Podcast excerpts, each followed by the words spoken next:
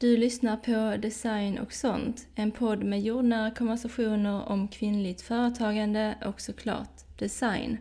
I denna podden kan du inspireras av mina gästers unika erfarenheter av att driva eget företag och du kan lära dig om hur du stärker ditt varumärke.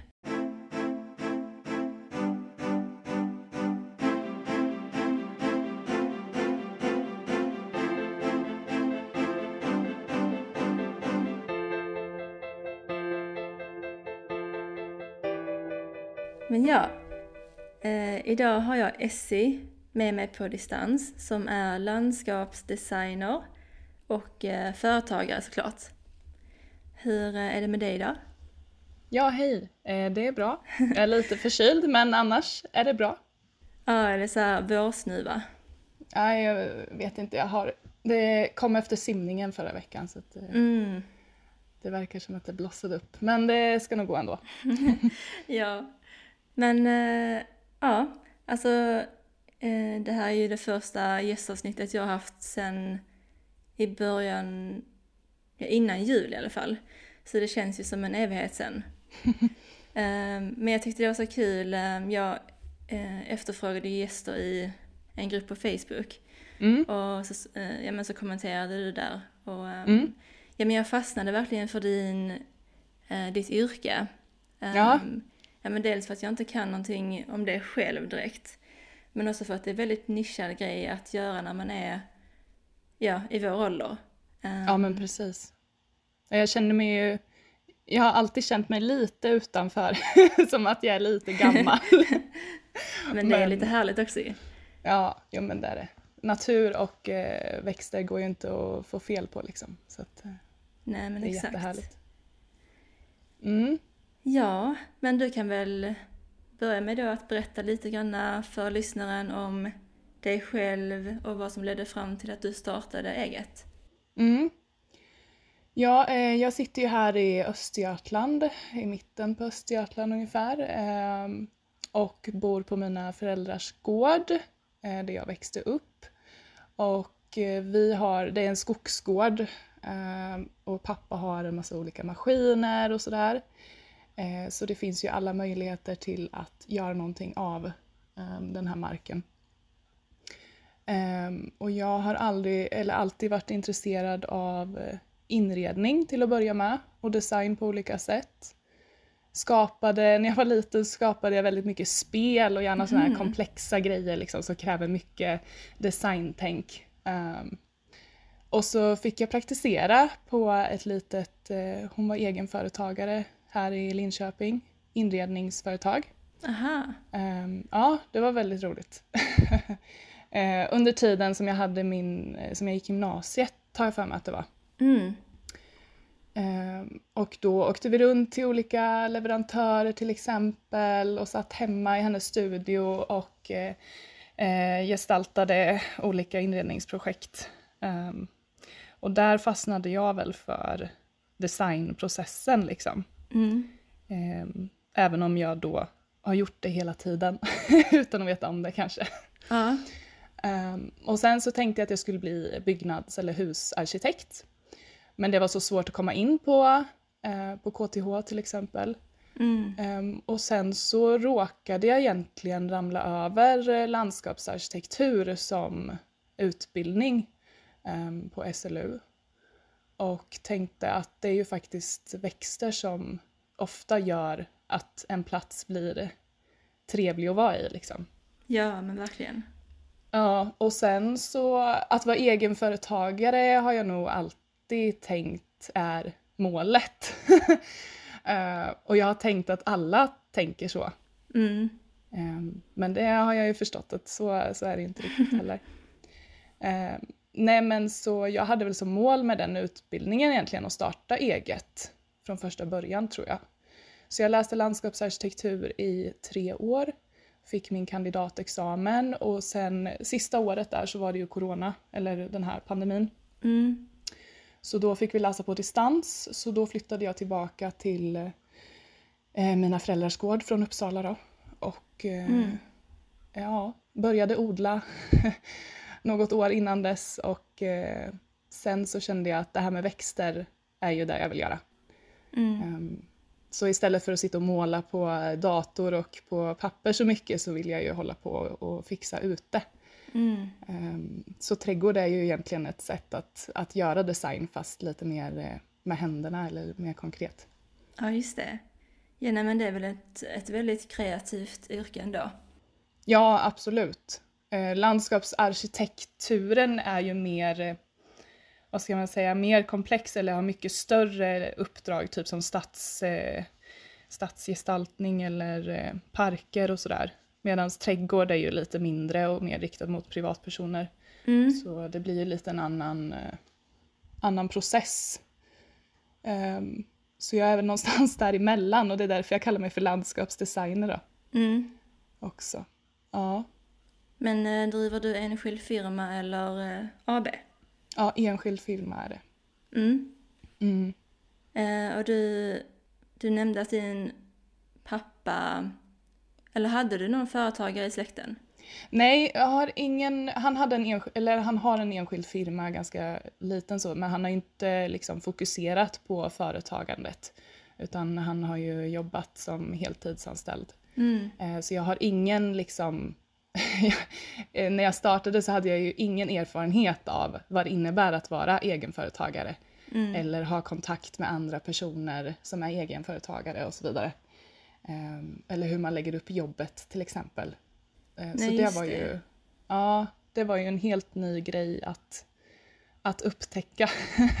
Ja, Mm. eh, jag minns inte om du, om du sa det i början av din presentation, men alltså hur gammal du är.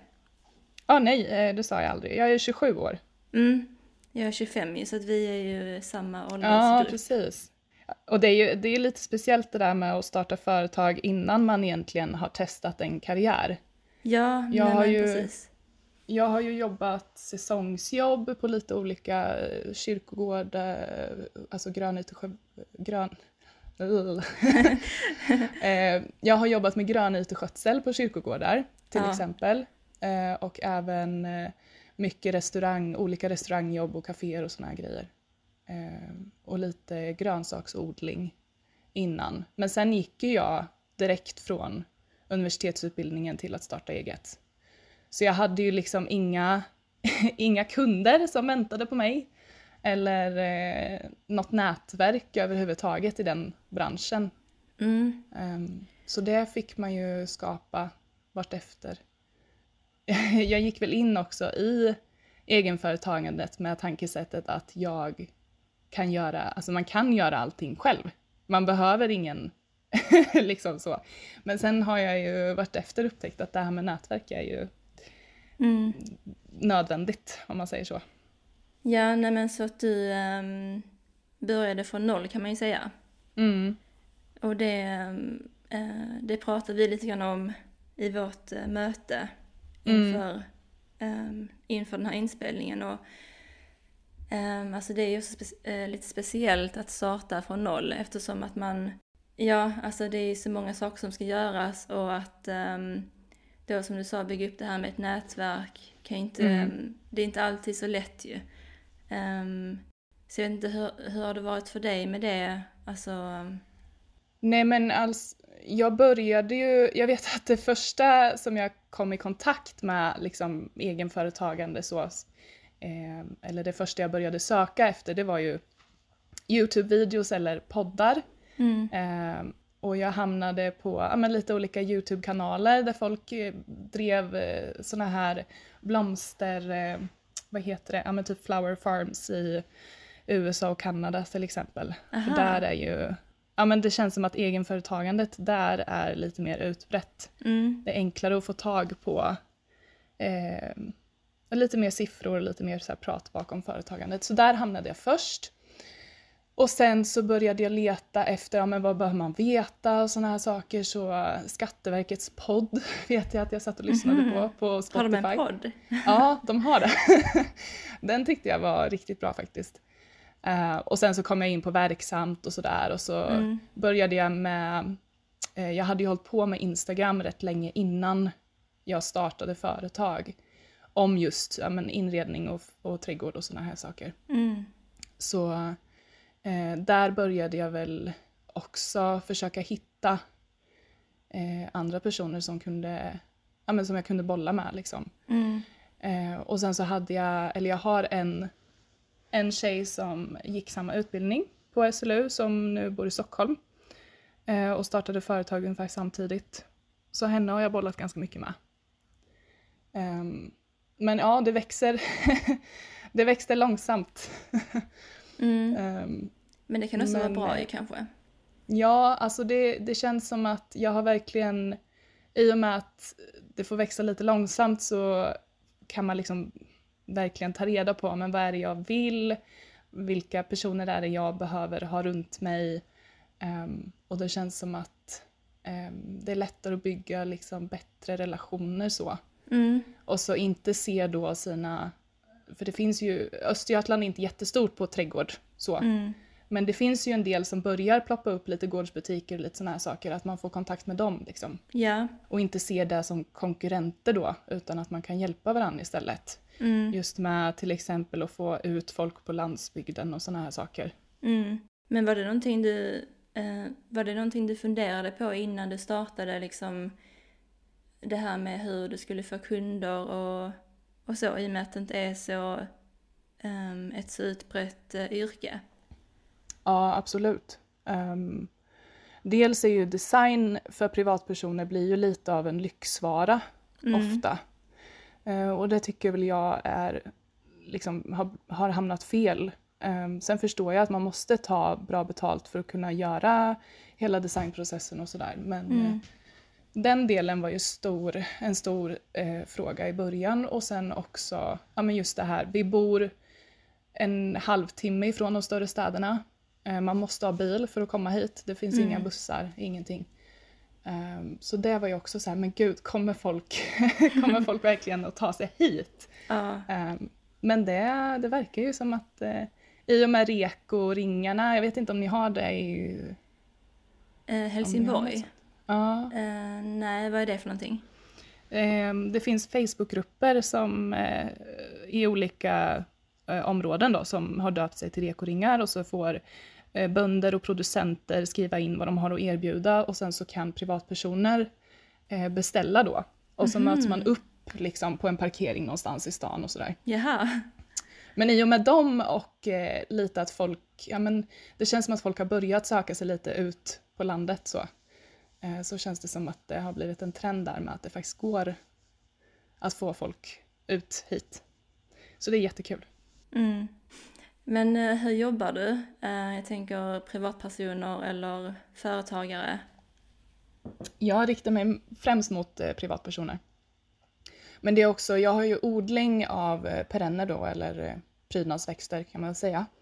Fleråriga prydnadsväxter.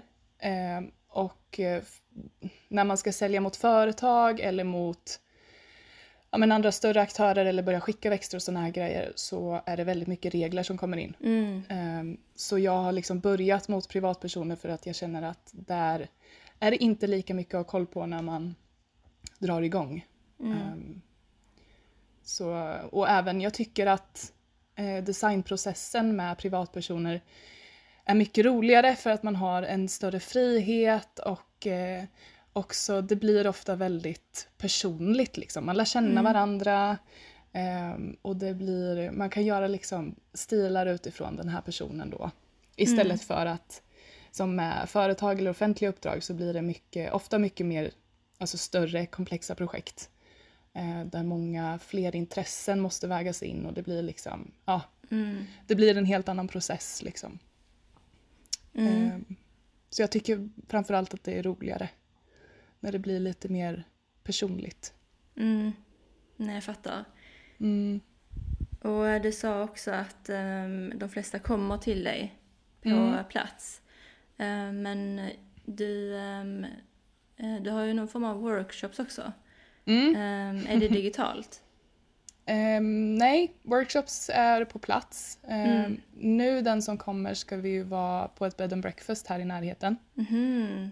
Um, eftersom det, det, är för kallt att vara, yeah. ute hos mig. Jag har inga bra lokaler för sånt. men jag tycker ju framförallt att rådgivning är väldigt kul. Mm. Och uh, kan man göra det i grupp liksom, så gynnar ju det alla egentligen.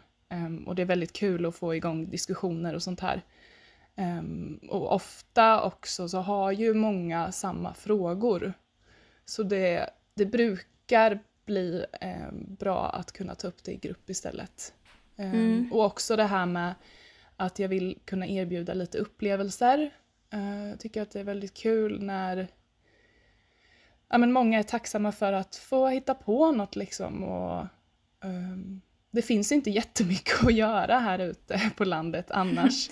uh, så det är kul att få vara med och liksom skapa lite, ja, men lite momentum, lite rörelse här ute. Mm. Uh, gud, jag tappade helt tråden. Nej okej, okay. uh, nu vänta. Uh, jag dricker lite te här så länge. Ja men gör det.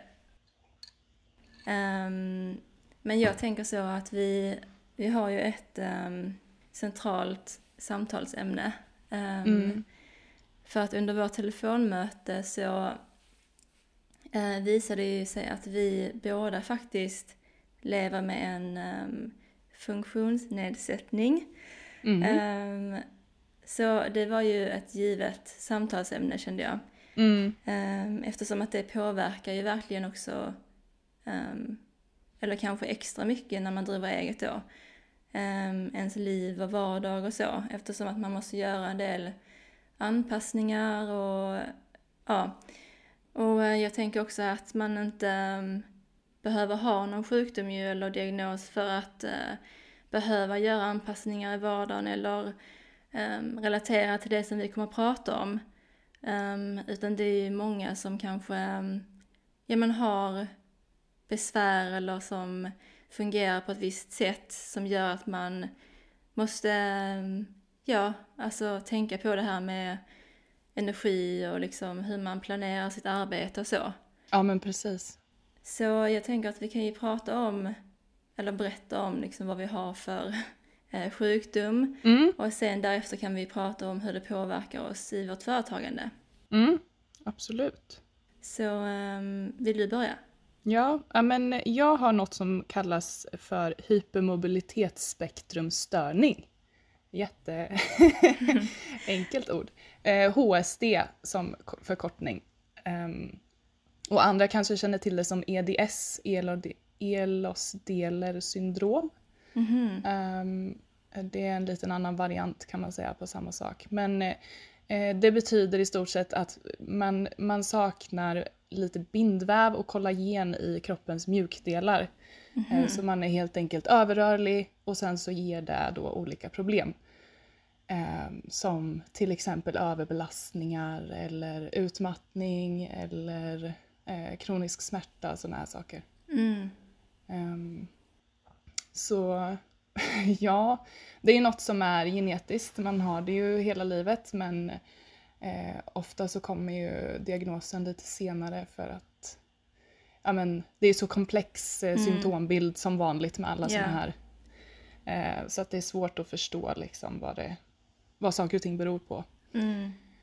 Eh, men jag fick ju den diagnosen framförallt efter att jag överbelastade min tumme och handled. Jag var ute och klippte med sekatör.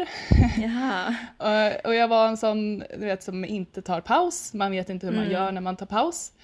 och, eh, då blev, ja, och då blev tummen och handleden överbelastad. Eh, helt plötsligt bara så drog det liksom smärta upp. Mm. Eh, och sen gick inte det över bara.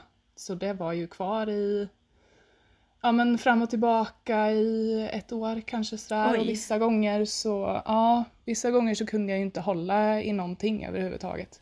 Oj. Eh, ja, det var, det var komplicerat. Eh, men hur, och det, ehm, ja förlåt. Nej men det går ju fortfarande lite eh, upp och ner och sådär, kommer lite skov och så om jag gör, om jag sitter mycket vid datorn till exempel eller sådär. Mm. Eh, så det viktigaste är ju att eh, försöka ha så varierade dagar som möjligt. Då. Och det är ju positivt med egenföretagandet. Ja, nej men precis.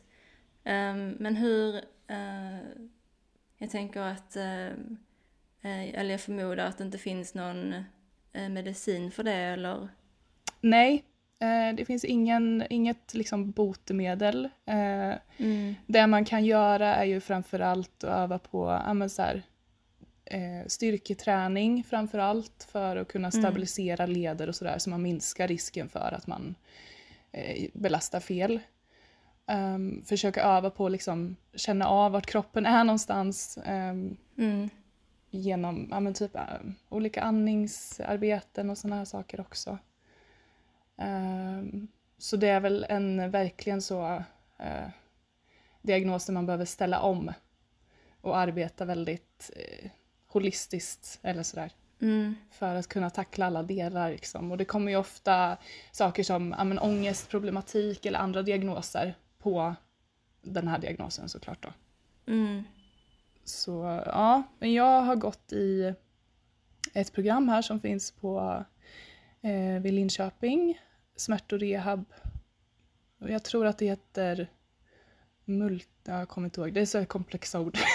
Ja. Eh, MMR2 heter det i alla fall som förkortning, det här programmet. Och det är ett program för folk med kronisk smärta, långvarig kronisk smärta. Mhm. Mm. Eh, och där är det till exempel som gruppterapi och lite ja, men, sjukgymnast och eh, arbetsterapeut och såna här saker. Så i och med att jag började med det programmet, eller på det här programmet som var tre dagar i veckan, eh, så kände jag också att det här är ju perfekt timing att starta eget. Mm. För att jag kommer inte kunna jobba liksom, med något annat om jag ska vara här tre dagar i veckan.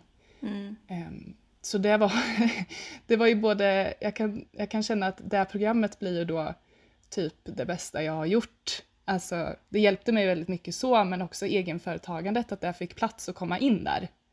Annars kanske jag inte hade eh, startat eget och istället då suttit på en anställning. Liksom. Ja. Ja, nej, men det är många likheter ehm, vi har i, Mm.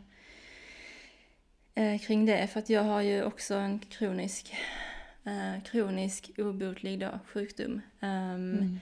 Och det har jag ju nämnt eh, i något, några tidigare avsnitt. Men ehm, jag har ju då narkolepsi. Kanske lite mer känd sjukdom men ändå inte. Mm. Ja, alltså den... Kort sagt så gör det ju att hjärnan inte kan styra över vakenhet och sömn. Vilket då resulterar i att man har mindre ork än friska människor. Eh, Mm. Att man lider av dagtrötthet, sömnattacker och ehm, ja, alltså dålig nattsömn. Ehm, Mm. Många har liksom eh, sömnparalys och hallucinationer och så också i samband med eh, insomnande och uppvaknande. Eh, så det är ju liksom en, en ja, sömnsjukdom. Um, Vissa har även kataplexier. Um, nu blev det många konstiga ord här. Ja, vad är det för något? Eh, kataplexier, eh, det har ju som tur är inte jag fått än. Ehm, men det finns ju en risk att jag, att jag får det liksom efter, ja med tiden. Mm. Eh, men det är ju en, alltså typ att musklerna mm, slappnar av när man, Ah. ja men när man har ehm, starka känslor, alltså när man skrattar eller gråter eller så. Det är så jag har Mm. tolkat i alla fall. Ehm, men eh, i mitt fall så fick jag ju narkolepsi då till följd av svininfluensavaccinet ehm, Mhm. som gavs ut 2009, 2010 någonting. Ehm, man fick ju det liksom i, via skolan, eh, skolorna ibland och ehm, ja, det var ju en liksom massvaccination. Ehm, lite liknande som nu med eh, pandemin, eh, Mm. corona. Men att eh, det var kanske lite mindre hastigt. Men oavsett så, jag tror att narkolepsi kan vara ärftligt också. Mhm. Men det finns generellt, alltså väldigt lite forskning kring narkolepsi och varför man får det. Um, alltså för det är väl lite grann som många andra neurolog neurologiska sjukdomar.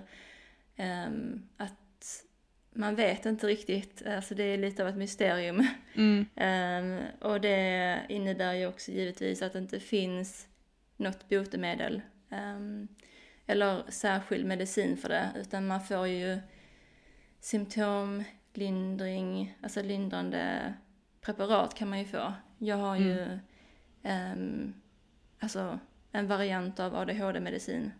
Mm.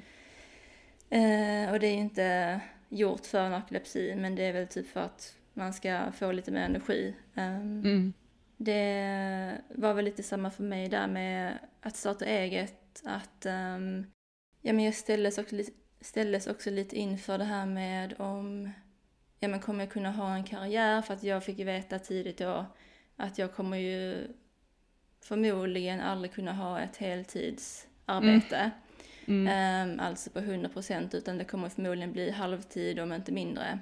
Det, sa Ehm, de till, det sa de till mig också. Mm, och det är ju så här liksom, jaha, alltså vad, vad ska Ja. man göra då? För att det är ju allt det här med sparande och liksom att köpa bostad och pension. Mm. Eh, man får ju ingen tjänstepension då eh, om man inte jobbar så mycket som man borde. Eh, det blir i alla fall väldigt minimal pension. Och liksom, ja men det var många sådana saker som, ja men jag, jag har ju inte heller någon högskoleutbildning utan jag har ju bara gymnasieutbildning. Mm. Så det blir också en sån grej att, jaha, så vad har jag för möjligheter rent karriärmässigt? Då Ja. blir det ju antingen att, ehm, för just då så jobbade jag väldigt många såna här ströjobb, alltså typ Mm. restaurang, café och lager. Eh, jag hoppar liksom mellan sådana jobb. Um, I och med att kontrakten oftast inte är eh, långvariga, det är oftast väldigt så tillfälliga jobb. Ehm, Och då kände jag att antingen så är det ju detta, liksom att fortsätta med detta alltså resten av livet. Mm. Ehm, eller så är det väl att alltså, utbilda mig. Men då visste jag inte vad jag skulle liksom, ja för att det är ju en ganska, det är ju en ganska, alltså eventuellt lång period av stu- alltså studier i så fall. Om Ja. man vill ha en, ja, en, ehm, ett yrke med relativt bra lön. Mm. Ehm, och sen är det också väldigt oklart, man vet inte om man kommer få ett jobb ändå. Nej. Eh, och jag har alltid varit väldigt så, jag är ingen skolperson. ehm, Mm. Eller så. Eh, akademiker. Jag tycker det är jättetråkigt med att plugga och prova så. Problemet är ju också där att de flesta utbildningar är ju på 100% Mm, och du förväntas ofta plugga ännu mer än det. Ehm, Jag har ju provat nu på, jag provade en master i eh, urban planning och eh, jag kände att men, min kropp klarar inte längre att stå och läsa de här artiklarna till exempel. Mm. Sådana där saker som, och då blir det hela, allt det en väldigt stor stress också ovanpå allt annat. Mm, Så det, det är synd att de, många universitet inte klarar av att ge 50 eh, utbildningar och sådär. Nej men precis, för mig var det också det här med att um, alltså ofta så om det är akademiska utbildningar så eh, inkluderar det ofta väldigt långa seminar, Mm, alltså mycket föreläsningar och där- man måste kunna hålla fokus ehm, och eh, vara vaken under en längre tid. Ehm, vilket inte jag klarar av. Eh, nej. så att ehm, det blev ju liksom bara, alltså det var ju inget alternativ egentligen för mig. Ja, så att, att starta Då är vi här. blev ju, ja precis, nu är vi här. men som du sa, det kan ju vara det bästa som har hänt en också, på ett sätt. Ja, precis.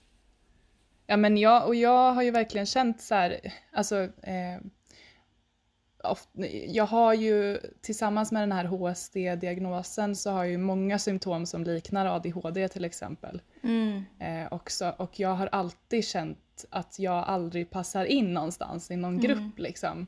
Och samma sak med, med plugg då till exempel, att jag ofta tar avstånd liksom. Eh, för att jag kanske inte orkar alla de här, jag blir lätt överstimulerad liksom i sådana miljöer och sådär. mm, Ehm, och sen nu när jag har startat eget så blir det bara så här, ja men gud det här är ju, det här är ju mitt folk.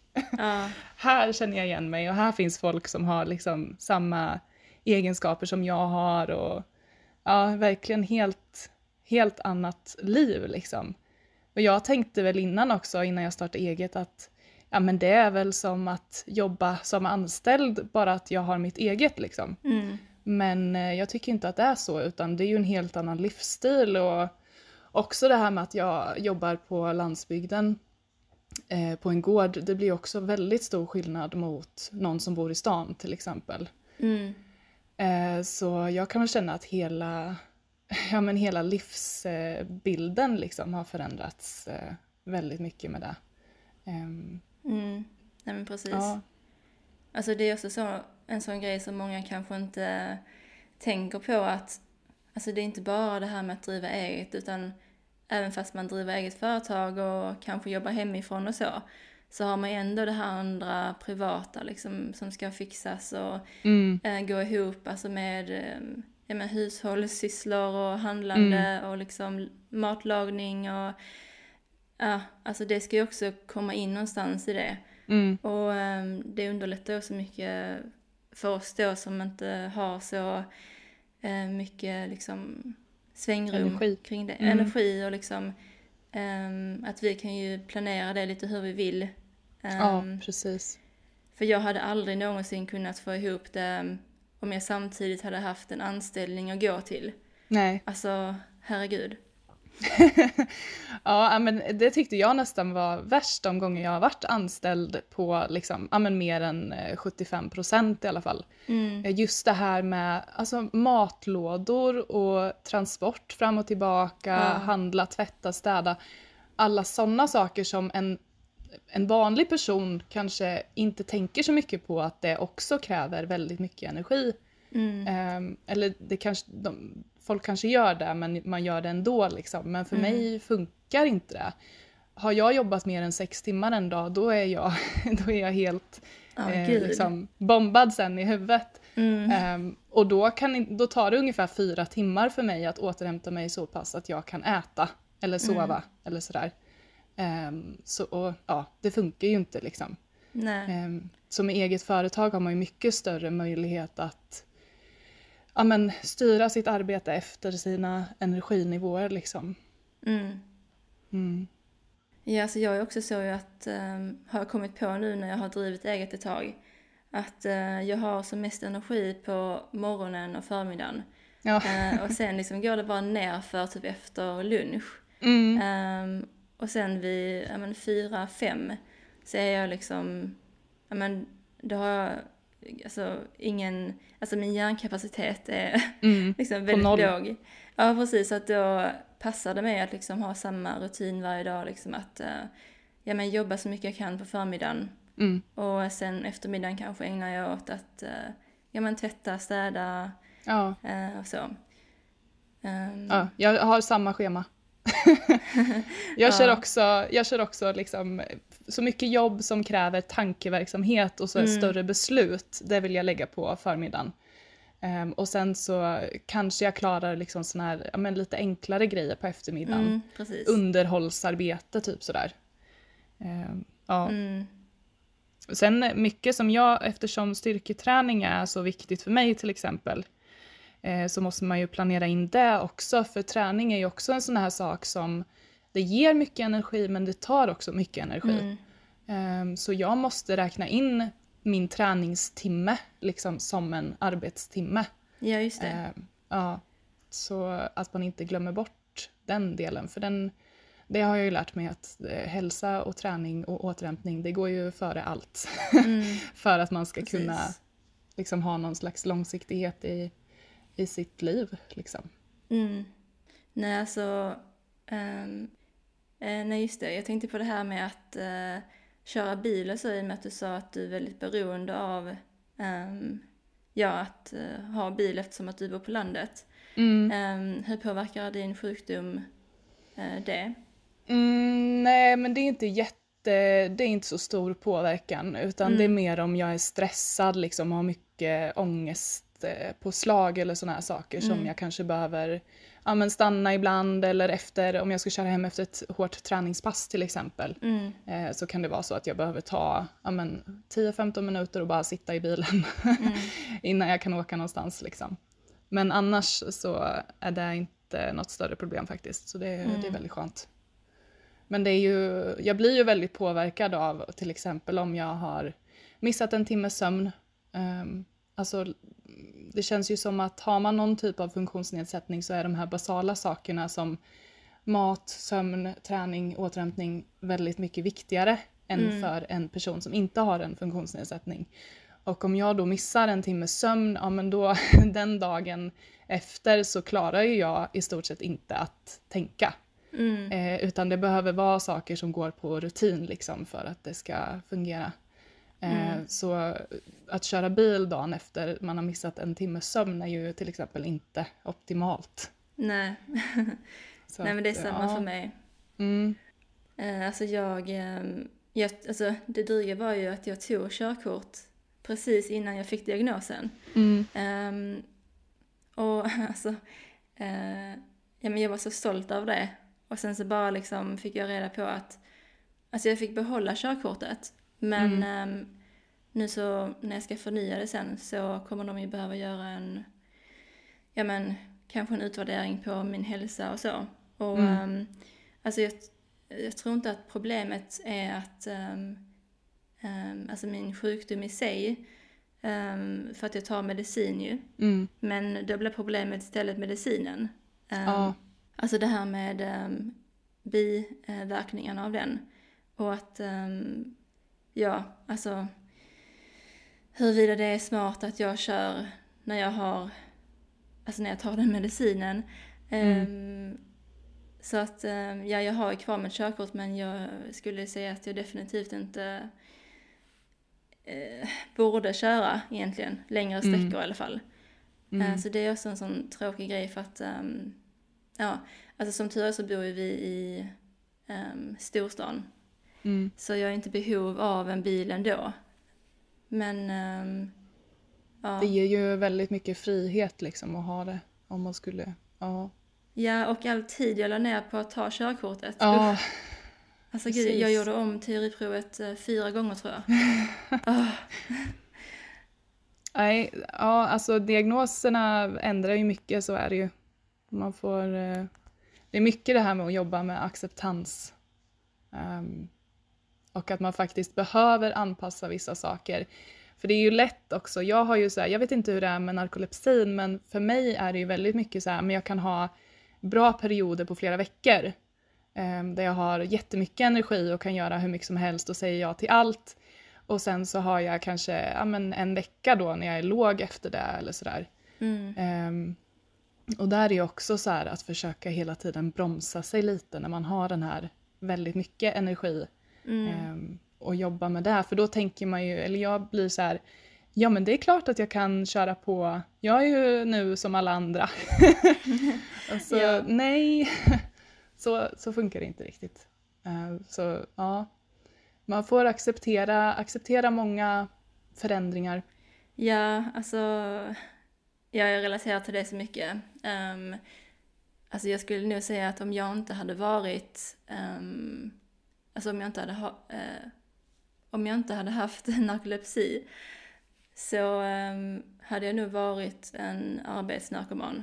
Mm, Ehm, för jag har så väldigt svårt för att eh, sluta, mm, alltså att stänga av jobbet. Ehm, speciellt när man är lite mer kreativt lagd och har Mm. mycket liksom idéer och så liksom som man vill, ehm, ja, eh, så blir det ju, ja, framförallt kanske när man driver eget också. Att man Mm. liksom jobbar hemifrån och hemmet blir liksom jobb, alltså arbetsplatsen. Ehm, Ja, men det, jag håller helt med. Det, jag tycker det, det är svårt att stänga av, men jag hade nog samma problem även när jag var anställd också. mhm, Eh, egentligen lite så. Att, eh, ja, men att det hänger med liksom hem och...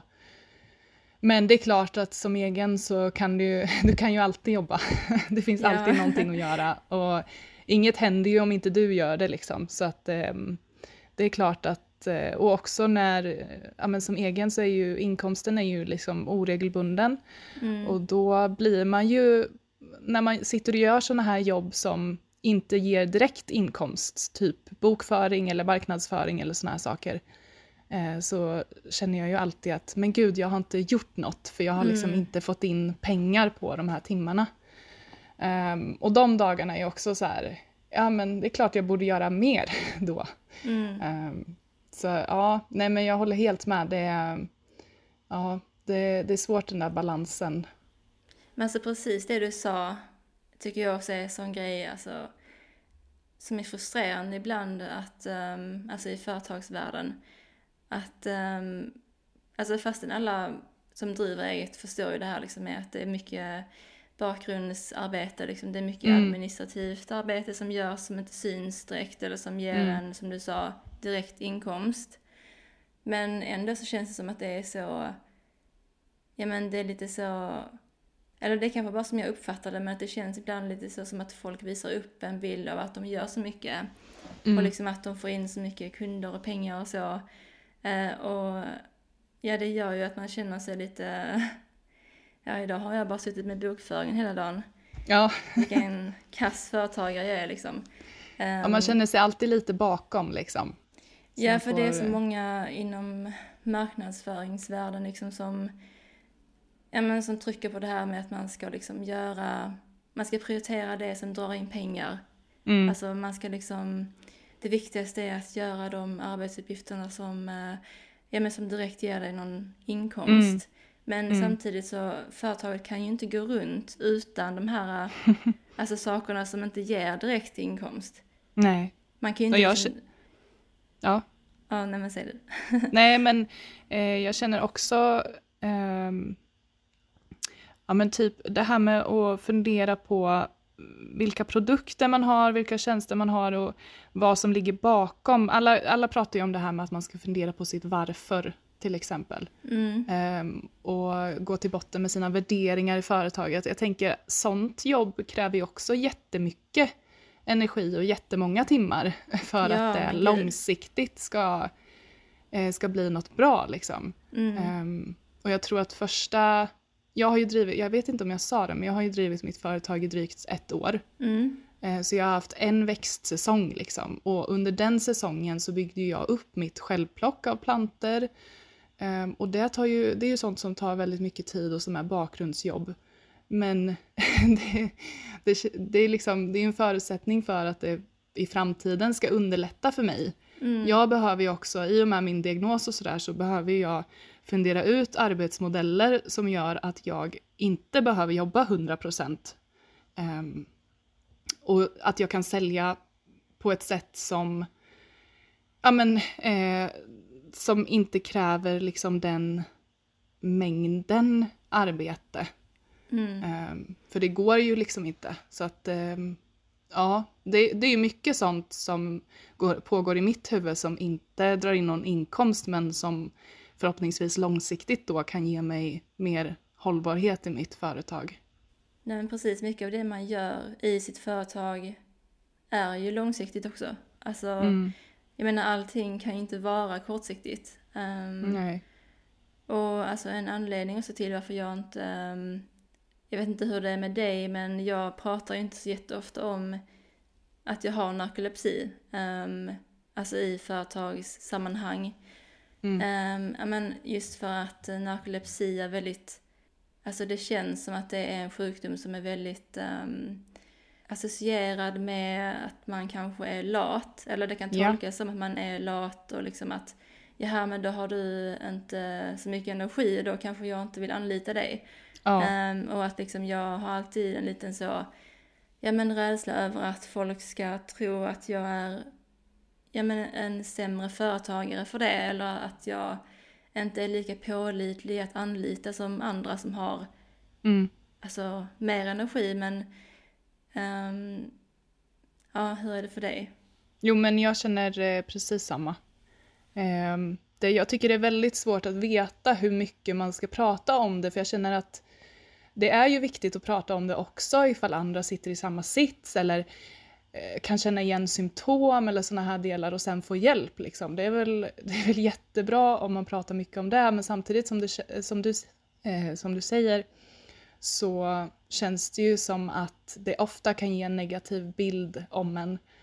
Um, och det är ju samma sak när man söker deltidsjobb eller sådana här saker mm. också då. Hur mycket ska man säga? Hur ärlig ska man vara? Eh, men samtidigt så är ju, det ju en förutsättning att du är, alltså om du är ärlig så är det ju större chans att du faktiskt får ett jobb som passar. Mm. Um, och det är ju samma sak när jag idag, när jag idag letar samarbetspartners eller uh, sådär så vill ju jag ha folk som faktiskt förstår hur jag jobbar eller Mm. eh, varför och sådana här bitar så att jag ja, men, inte kanske känner en stress för att jag måste avboka någonting eller eh, sådana här saker utan att det, det är liksom okej att vara som man är. Ehm, Ja. men ja, det är jättesvårt att veta hur mycket man ska säga eh, faktiskt. Mm. Just för att man vill ju såklart alltid framstå som stark och trygg och stabil, eh, pålitlig som du säger. Men jag tänker att eh, så länge man kommunicerar vad man, ja, men vad man känner så blir det ju långsiktigt bättre. Mm. Um, Sen tänker jag också att eh, eller någonting jag har upptäckt också är ju liksom det här med att allting handlar ju egentligen bara om planering och liksom prioriteringar. Ja. Ehm, alltså det är inte givet att bara för att man inte har någon alltså sjukdom eller eh, funktionsnedsättning så är det inte liksom givet att man är bra på att planera sin tid eller att ehm, ja, men prioritera arbetsuppgifter och jobba effektivt och så. mm, Utan det är ju mer av en egenskap eller personlighetsgrej. mm, Och liksom, eh, så på det sättet så spelar det ingen roll hur mycket eller hur lite energi man har. Utan det handlar väl om hur man liksom fördelar den under dagen. ja, absolut. Ehm, för att jag menar, man kan ju sitta också, alltså det är något jag har märkt också kring alltså företagande och liksom hur många jobbar. Mm, Att eh, man kan ju verkligen sitta också en hel dag och, alltså inom citattecken, jobba. eh, och känna att man jobbar. Men så kanske man inte gör så mycket eh, i slutändan. nej. Alltså att, precis. ehm, ja, Nej men och där, där har väl jag tänkt så här, för jag kom ju in från att, ja, men från att vara anställd och från att plugga där det som räknas egentligen är hur många timmar du lägger in. Det är inte egentligen ditt resultat. mm, Ehm, och så har jag tänkt att ja, men, om, jag är ju egenföretagande och det är klart att jag ska eh, jobba åtta timmar som alla andra och det, jag ska sitta här liksom ja, till klockan fem eller sådär.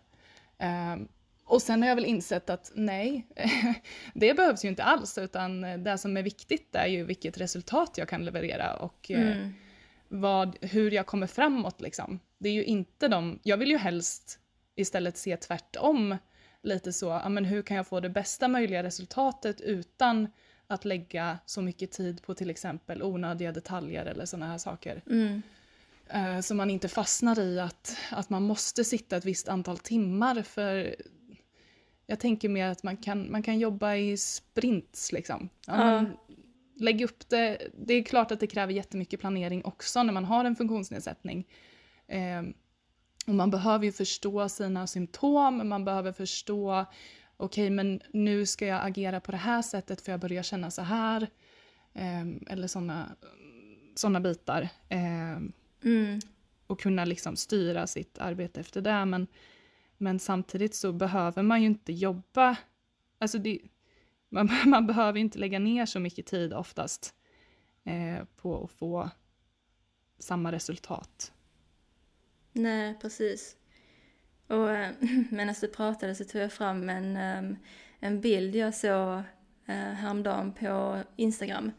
Mm. Ehm, det står eh, On the days you only have 40% and you give 40, you gave 100. Ja. Nu blir det swinglish men du förstår vad jag menar, att, ehm, Ja. eller vad det innebörden Ja. liksom. ja. Alltså att ehm, jag tycker också det kan vara drygt att um, ens alltså prestation mäts i antal timmar Mm. och så. Och ja, som bilden sa så, Mm. alltså om vi har en viss mängd energi Mm. och vi ger det vi kan på en dag så har vi ju ändå jobbat hundra, eller så. Mm. Alltså, Mm. vi har ju, och det kan ju vara lika mycket arbete vi har fått gjort Mm. som en annan person Ja, som precis. har jobbat åtta timmar.